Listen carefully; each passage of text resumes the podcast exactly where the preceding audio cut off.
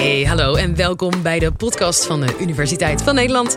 Ken je dat? Dat je in het gras zit en overal van die beestjes ziet die je niet kent. Kleine rood met zwarte insectjes die zeker weten geen oude vertrouwde lieveersbeestjes zijn. Maar ja, wat dan wel?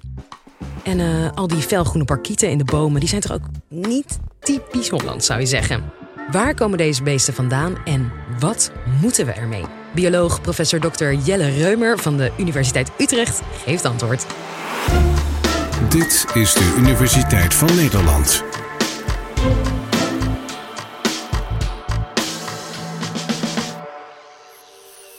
Tropische beesten en andere beesten en planten die naar, eh, die naar Nederland komen. We hebben in ons land een heleboel soorten waarvan je je kunt afvragen of ze hier van oorsprong thuis horen of niet. En ik wil dat graag met jullie eens even gaan bekijken. En dan ga ik de vraag stellen: hoort deze soort hier oorspronkelijk thuis of hoort die oorspronkelijk hier niet thuis? Laten we eens met de eerste beginnen. De muskusrat. De muskusrat. Wie, wie denkt dat de muskusrat hier van oorsprong niet thuis hoort? De muskusrat, dames en heren, hoort hier van oorsprong niet thuis. Zal ik zo uitleggen. De volgende is de hamster, oftewel de korenwolf. Wie denkt dat hij hier van oorsprong niet thuis hoort? De korenwolf hoort hier van oorsprong niet thuis. Volgende. De kalmoes. Dat is een moerasplant waar de Friezen hun Berenburg mee kruiden. Nee, hij hoort hier van oorsprong niet thuis. Kalmoes is een kruid, een krachtig aromatisch plantje wat in de middeleeuwen door monniken is meegenomen uit, uh, uit oostelijke streken, Midden-Oosten of die, die, kant uit Perzië misschien, uh, en is aangeplant in hun kruidentuintjes in de kloosters. Hoort hier van oorsprong niet thuis. De volgende, dat is het roodborstje. Wie denkt dat het roodborstje hier van oorsprong niet thuis hoort? Die hoort hier van oorsprong wel thuis. En dan krijgen we de volgende, dat is de zeehond. Wie denkt dat de zeehond hier van oorsprong niet thuis hoort? Je hoort hier wel thuis. Het is toch lastig, hè, zo'n quiz? ja, uh, dan heb ik er nog twee. Het volgende dit is het konijn. Ook lief ook. Wie, wie denkt dat het konijn hier van oorsprong niet thuis hoort? Het konijn is in de middeleeuwen uit Spanje deze kant uitgekomen hoort van oorsprong niet in Nederland thuis. En dan heb ik nog de laatste, dat is de zebramossel. Overal aan te treffen in uh, Nederlandse wateren, vijvers, plassen. De zebramossel, wie denkt dat die hier van oorsprong niet thuis hoort? Die hoort hier van oorsprong niet thuis. Dit is een soort die komt uit het Kaspische gebied. En die is hier naartoe gekomen, vrijwel zeker aan, in de vorm van aangroeisel aan schepen. Dus die beesten die die mossen die hechten zich aan scheepsbanden vast en worden op die manier worden ze getransporteerd. Inmiddels zijn ze ook in Amerika doorgedrongen. Per dag, per dag importeren wij honderden, letterlijk honderden soorten planten en dieren en micro-organismen die hier niet thuis horen. Die komen op allerlei manieren hier naartoe. Die komen met vervoermiddelen mee, in auto's, in treinen, in vliegtuigen zelfs. Malaria-muggen die komen rechtstreeks uit Afrika met vliegtuigen hier naartoe, bijvoorbeeld. Uh, heel veel komt ook uh, wel min of meer expres hierheen als huisdier bijvoorbeeld, of als tuinplant, of als aquariumvis, of als, uh, of als hagedis, of als kooivogel of zo. En die kunnen ook allemaal ontsnappen. En een enorm groot probleem is het ballastwater van schepen. Als een schip op zee vaart, dan moet die geladen zijn. Want een schip dat leeg is, dat, dat, dat ligt op, op de golven als een pingpongbal. Dat, dat, dat gaat niet goed. Dus als een schip een keer geen lading heeft en hij moet toch van haven A naar haven B, dan pompt dat schip zichzelf vol met water, vaart van A naar B en pompt daar het water er weer uit om vervolgens lading in te kunnen nemen. Dat ballastwater, daar zitten honderden, letterlijk honderden verschillende soorten organismen in. In de vorm van mossellarfjes of kreeftenlarfjes, maar ook virussen en bacteriën en van alles en nog wat. En op die manier komen er heel veel soorten op andere plekken in de wereld terecht. Ongeveer 10% van de soorten die ergens terechtkomen, die kunnen zich daar ook blijvend vestigen. Heel veel die houden het niet vol, want het is er te koud of te droog of te nat of te warm of wat dan ook. Maar ongeveer 10% van de soorten die kan zich blijvend ergens vestigen. En weer ongeveer 10% daarvan, dus 1% van het totaal, maar er zit een grote marge in die getallen. Dus ongeveer 10% van die 10%, nadat hij zich gevestigd heeft, kan uitgroeien tot een plaagdier, tot een pest, tot een invasieve exoot, zoals het ook wel wordt genoemd. En het woord exoot betekent niet per se dat hij uit exotische oorden komt, want ik zei al bij het konijn, dat kan ook gewoon uit Spanje komen. Dat is niet echt exotisch, maar we noemen dit soort dingen een exoot. Een invasieve exoot. Dus ongeveer 1% van die soorten, dat, uh, dat gaat mis. En dan krijg je dus een, een plaag. Bijvoorbeeld de Japanse duizendknoop. Dat is een hele mooie plant. Een prachtige plant. Die van nature het woord Japanse duizendknoop zegt het al, thuis hoort in Japan. En daar groeit in, uh, in verstoorde habitats, dus waar iets mee aan de hand is. Bijvoorbeeld vulkaanhellingen. Zo'n vulkaan laat wel eens een wind en dan dwarrelt er weer wat as neer. Uh, en rivier- of beekbeddingen, waar altijd weer zand en grind verplaatst wordt. Dat zijn de habitats waar die Japanse duizendknoop zich, zich thuis voelt. Verstoorde habitats.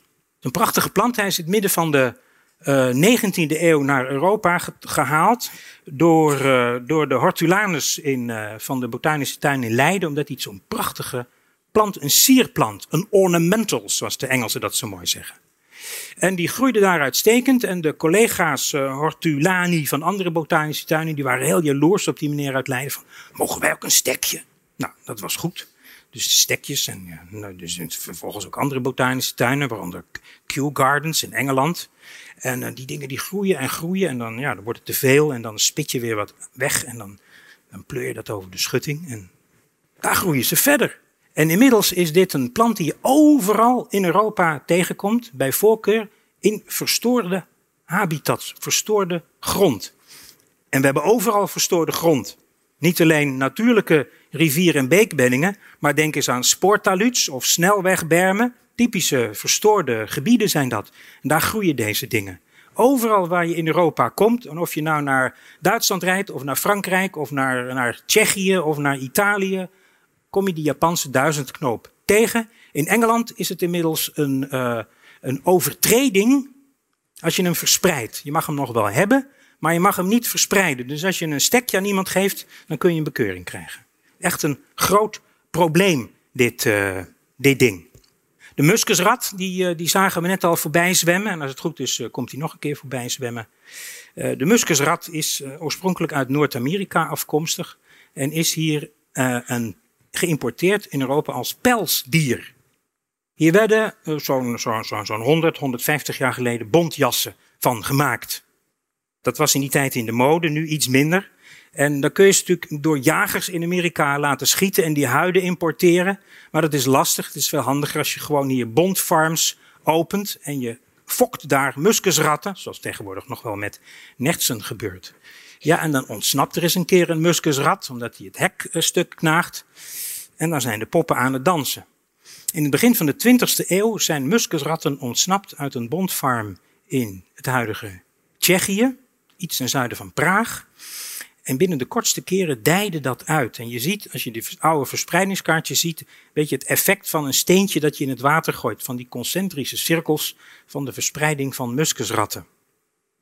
Het zijn beesten die uh, in het water leven en die holen graven aan de oever. Dus daar de oever een beetje mee ondermijnen. En dat vinden we, zeker in Nederland vinden we dat griezelig. Want we hebben natuurlijk altijd een strijd tegen het water. En we willen niet dat de dijken uh, doorbreken. Dus men had het al snel in de gaten van als die muskusrat in Nederland komt, dan moeten we wat aan gaan doen. In 1945 is de eerste waargenomen in Valkenswaard en onmiddellijk is de overheid gaan bestrijden. En uh, dat gaat tegenwoordig nog steeds door. Er wordt ongeveer 25 miljoen euro per jaar uitgegeven om 5 miljoen euro schade door muskusratten te voorkomen. De korfmossel is ook een hele mooie. Als je tegenwoordig in Europa en in Nederland, maar in heel Europa, langs de rivieren gaat kijken, van die strandjes tussen de kribben, dan ligt het helemaal vol met korfmosselen. Ze zijn ongeveer zo groot als, een, uh, als de dingen die je ook bij de visboer kunt kopen voor de, pasta. En die worden ook gegeten. Althans, ze komen oorspronkelijk uit China en ze worden door Chinezen gegeten. Chinezen eten alles, zoals jullie weten, uh, wat leeft. Um, en in de vroege 20e eeuw had je in de Verenigde Staten had je Chinese gastarbeiders. En die hadden die mosseltjes meegenomen en die kweekten ze daar om ze te kunnen opeten. Binnen de kortste keren waren de rivieren, de Mississippi en de Missouri en zo, die waren helemaal dichtgegroeid met die korfmosselen. Ik noemde net al het woord ballastwater. Er is een keer een schip, of er zijn een keer schepen van Amerika naar Europa gevaren. En vanaf midden jaren 80 zie je deze korfmossel ineens in Europa opduiken. Eerst bij havensteden onderaan de mond van rivieren, dus bij Lissabon, bij Bordeaux, bij Rotterdam, bij Hamburg. En binnen de kortste keren zaten ze overal in, in rivieren. Een groot probleem. Andere soorten worden erdoor verdrongen. Uh, ze houden van helder, stromend, niet al te koud water en een zandige bodem. Precies wat je vindt bij de uitstroomopeningen van uh, de, de, de koelpijpen van kerncentrales. Dus die dingen hebben de neiging om de uitstroomopeningen van de koelpijpen van kerncentrales dicht te groeien. Dus het is een beetje een probleem ook wel, die, uh, die korfmossel. En dan hebben we natuurlijk ook nog de halsbandparkiet. Ik had hem al een keer genoemd. In Amsterdam heb je ze overal. Zelfs als je gewoon overdag hier over de gracht fietst, dan kun je die dingen krijzend voorbij horen komen. Halsbandparkieten die, uh, die zijn in Nederland geïntroduceerd als kooivogel. Je hebt heel veel mensen die houden als hobby parkieten en papegaaien. En die hebben, dit is een prachtige beest, echt prachtige beesten. En die zitten dus in kooien, ja, die ontsnappen dan ook wel eens. En dat is dus gebeurd. Eh, en ze profiteren een beetje van het Urban Heat Island, het stedelijk warmte-eiland. Dus ze zitten denk ik nu een jaar of nou, 25, 30 in Amsterdam. Eerst bij de Oosterbegraafplaats, toen hebben ze het Vondelpark ontdekt en nu zitten ze overal. En vervolgens zaten ze in Den Haag en Rotterdam en Utrecht. Bij duizenden inmiddels. Dit is dus zo'n voorbeeld van een soort die ooit geïntroduceerd is als kooivogel. Zich als een van die 10% heeft kunnen vestigen in ons land. En nu staat hij op het punt om die ene procent plaag te worden. Want sinds dit jaar zijn ze voor het eerst gesignaleerd in de westelijke Betuwe. Uh, en in, de, in iets meer platteland van Zuid-Holland in boomgaarden.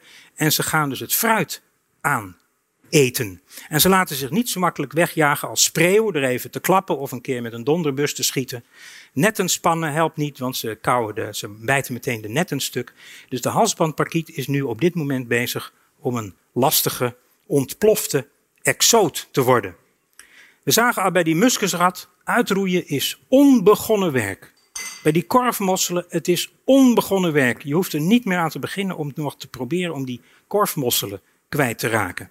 Die hasbandparkieten zijn we ook te laat mee. Dat is onbegonnen werk. Dus die hasbandparkieten, die zullen we over 10 jaar, over 20 jaar, over 30 jaar nog steeds hier, uh, hier aantreffen. Is dat erg? Ja, als het echt een plaag is waar we last van hebben, dan kan dat erg zijn. Maar die beesten, dat is natuurlijk geweldig, succesvol. Die ontdekken een milieu, die gaan daarin zitten en die vinden dat verder prima. De conclusie eigenlijk is dat we er maar aan moeten wennen aan dit soort exoten. Wegkrijgen doe je ze niet meer. Je kunt je eigenlijk maar het beste eraan aanpassen. Dat was Jelle Reumer. Ben benieuwd welke dieren de komende tijd nog meer hun weg vinden naar Nederland. Leuk dat je weer luisterde en misschien wist je het nog niet, maar we hebben meer dan 450 andere colleges voor je gemaakt. Dus als je even tijd hebt, check onze playlist. Tot de volgende!